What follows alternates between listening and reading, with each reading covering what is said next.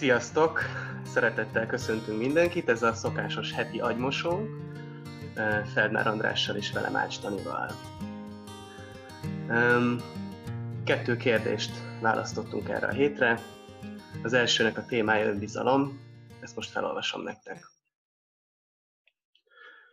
Hogyan lehet eljutni oda, hogy elhiggyük magunkról azokat a dolgokat, amiket csak néha merünk elhinni? Míg máskor az önostorozás és a szégyenérzet a reakciónk arra, ha esetleg azt merjük gondolni magunkról, hogy jók vagyunk valamilyen minőségben. Szép, okos, tehetséges, stb. Hogyan tudjuk beépíteni ezeket a minőségeket az önmagunkról kialakított képbe?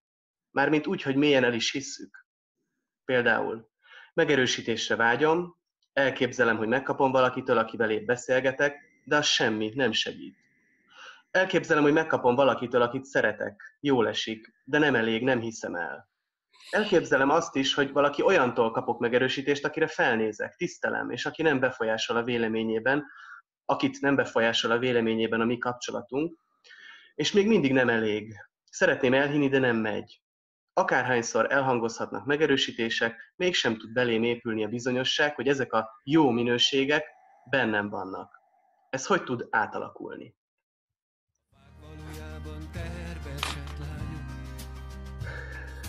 Mit gondolsz? Hát... valahogy egészen ki kell fordítani ezt a kérdést belülről kifelé és kívülről befelé. Uh-huh. Mert amit, amit a kérdező akar, az lehet, hogy lehetetlen. Általában, amikor valaki nehéznek talál valamit, az azért van, mert nehéz. Már az, nagyon sok emberrel találkoztam, akik amikor nehéznek találnak valamit, azt hiszik, hogy ők hülyék. Én mindig azt, ha valami nekem nehéz, akkor az tényleg nehéz. Hm. Na most itt a kérdés az, hogy mint hogyha lehetne valójában azon dolgozni, hogy én jól érezzem magam. És, és hogy úgy gondolkozzak magamról, hogy pozitívan gondolkozzak magamról.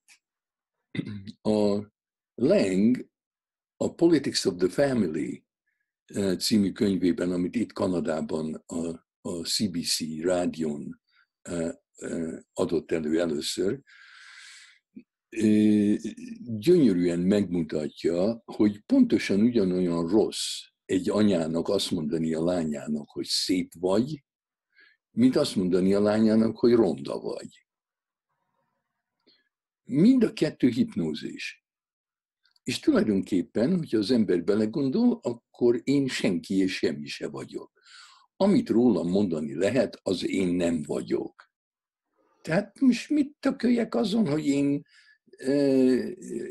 hogy mások mit gondolnak rólam, hogy, hogy ne szégyeljem magam.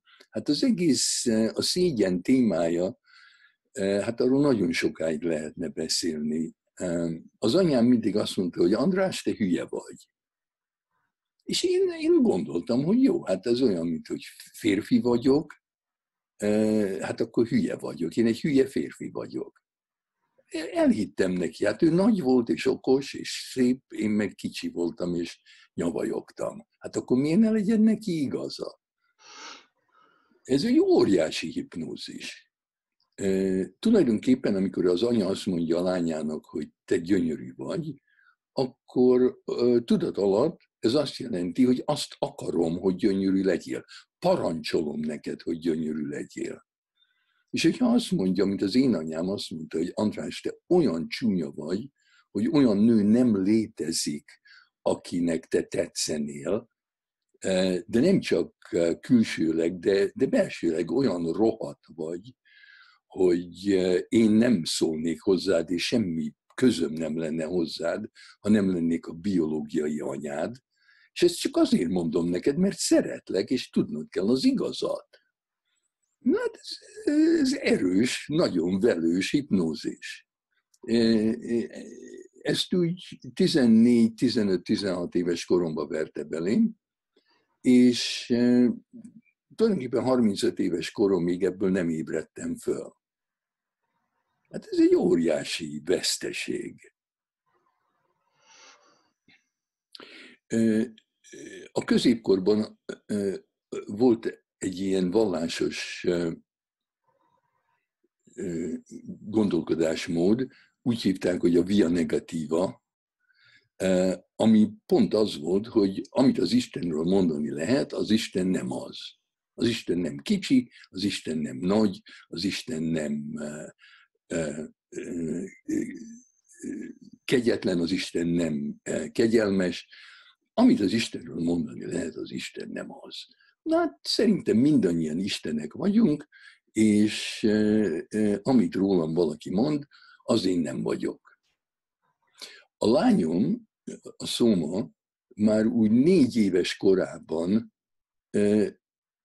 határozottan és dühösen visszautasította, ha valaki valamit mondott. Valaki azt mondta, Szóma, te olyan édes vagy. És akkor ő azt mondta, hogy nem, én, én Szóma vagyok.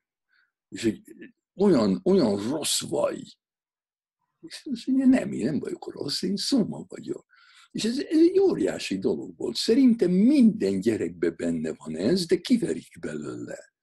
Én örültem, amikor ezt mondta, vannak olyan szülők, akik megfedik a gyereket, hogy ne hülyéskedjen. Pedig abszolút komolyan ő ö, bölcsességet mondott. Ja. Emlékszem, amikor arról beszéltél egyszer, hogy ha, vagy talán Facebookra írtad ki, hogy ha megtanulunk egy nyelvet, ahogyan beszélünk magunkban, magunkhoz, akkor nagyon nehéz egy új nyelvet, ha az a nyelv az rossz, akkor nagyon nehéz egy új nyelvet megtanulni. De lehetséges. Persze. E, e, és itt a legnagyobb dolog az, hogy, hogy nem az a fontos, hogy én ki vagyok.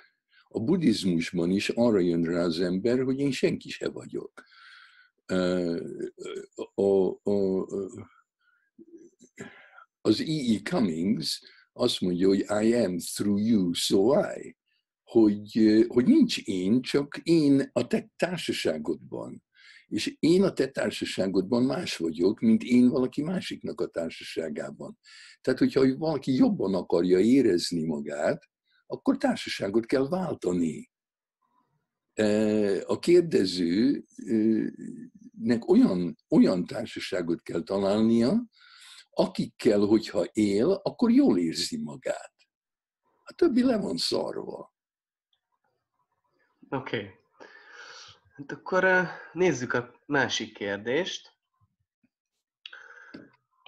Egy picit témájában ide kapcsolódik. Tamás kérdése. Gyerekként szégyenlős, jól viselkedő, csendes és szabálykövető voltam. A szüleimtől azt láttam, hogy ők határozottnak mutatták magukat a munkahelyükön és a legtöbb interpersonális helyzetben. Úgy éreztem, az akkori szégyenlőségem olyan volt, mint egy kőbevésett tény. Én ilyen vagyok. Ezt hangoztatta a családom, rokonok, ismerősök előtt, a barátaim ezt mondták a szüleinek. Visszagondolva ez mind hozzájárult ahhoz, hogy erősítsem ezt a címkét magamról. Ez az érzés néha olyannyira felfokozódik, hogy a mindennapi életben is akadályokat okoz. Például félek találkozni a gyerekkori ismerősökkel, mert arra gondolok, hogy régóta ilyen kép él rólam a fejükben, és már emiatt is szégyellem magam. Felfogom, hogy ez egy irracionális félelem, mégis nehéz megelőzni az ilyen gondolatokat. Hogyan lehet a szégyen által okozott sebekből kigyógyulni a költözésen kívül?